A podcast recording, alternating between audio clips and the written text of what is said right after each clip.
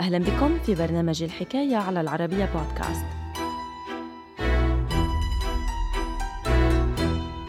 خلال الحرب العالمية الأولى اعتمد جنود فرنسيون وبريطانيون طريقة غريبة لحماية أنفسهم من الغاز الكيميائي فوضع الجنود مناديل أو جوارب مبللة بالبول على وجوههم لتغطية أنوفهم وأفواههم بها.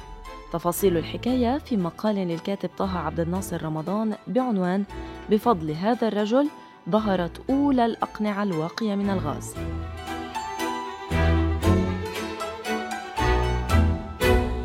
الحكاية.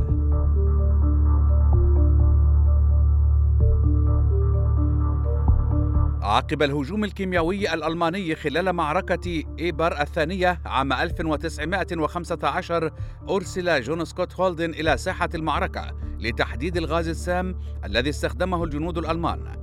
وعقب دراسته لبقايا ثياب ضحايا هذا الهجوم وملاحظته لتغير لون أزرار معاطفهم حدد هذا العالم الإسكتلندي الغاز المستخدم مؤكدا على أنه الكلور. عقب عودته لمنزله في أكسفورد بإنجلترا اتجه جون سكوت هولدن للبحث عن طريقة لحماية الجنود البريطانيين من هجمات كيميائية ألمانية بالمستقبل. ولتجربة ما توصل إليه طيلة أبحاثه عمد هذا الطبيب الإسكتلندي لجعل نفسه وأفراد عائلته فئران تجارب حيث لجأ برفقة أطفاله لتجربة الأقنعة الواقية من الغازات التي ابتكرها. وقبل تجارب جون سكوت هولدن اتجه الفرنسيون والبريطانيون للاعتماد على طريقة غريبة لحماية أنفسهم من الغاز الكيميائي حيث لجأ الجنود حينها لوضع مناديل أو جوارب مبللة بالبول على وجوههم لتغطية أنوفهم وأفواههم بها. بحلول 1915 عرض جون سكوت هولدن للعالم ابتكاره الملقب بالكمامة ذات الرقبة السوداء والذي كان عبارة عن ضمادة قطنية مبللة بمحلول مغص يتم تثبيتها على الفم باستخدام خرقة كبيرة صنعت من القطن الأسود.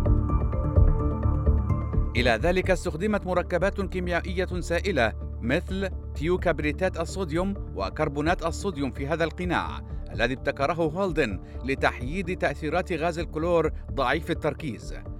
مع قيام الألمان بزيادة تركيز غاز الكلور المستخدم أصبحت الكمامة ذات الرقبة السوداء بلا قيمة وبسبب ذلك شارك جون سكوت هولدن في جهود ابتكار قناع الغاز الجديد الذي عرف بصندوق التنفس. وابتكر من قبل العالم إدوارد هاريسون الذي فارق الحياة أثناء التجارب بسبب تعرضه لكميات كبيرة من الغاز الكيميائي لاحقا فقد هذا الجهاز الجديد فعاليته تزامنا مع ظهور غاز الخردل.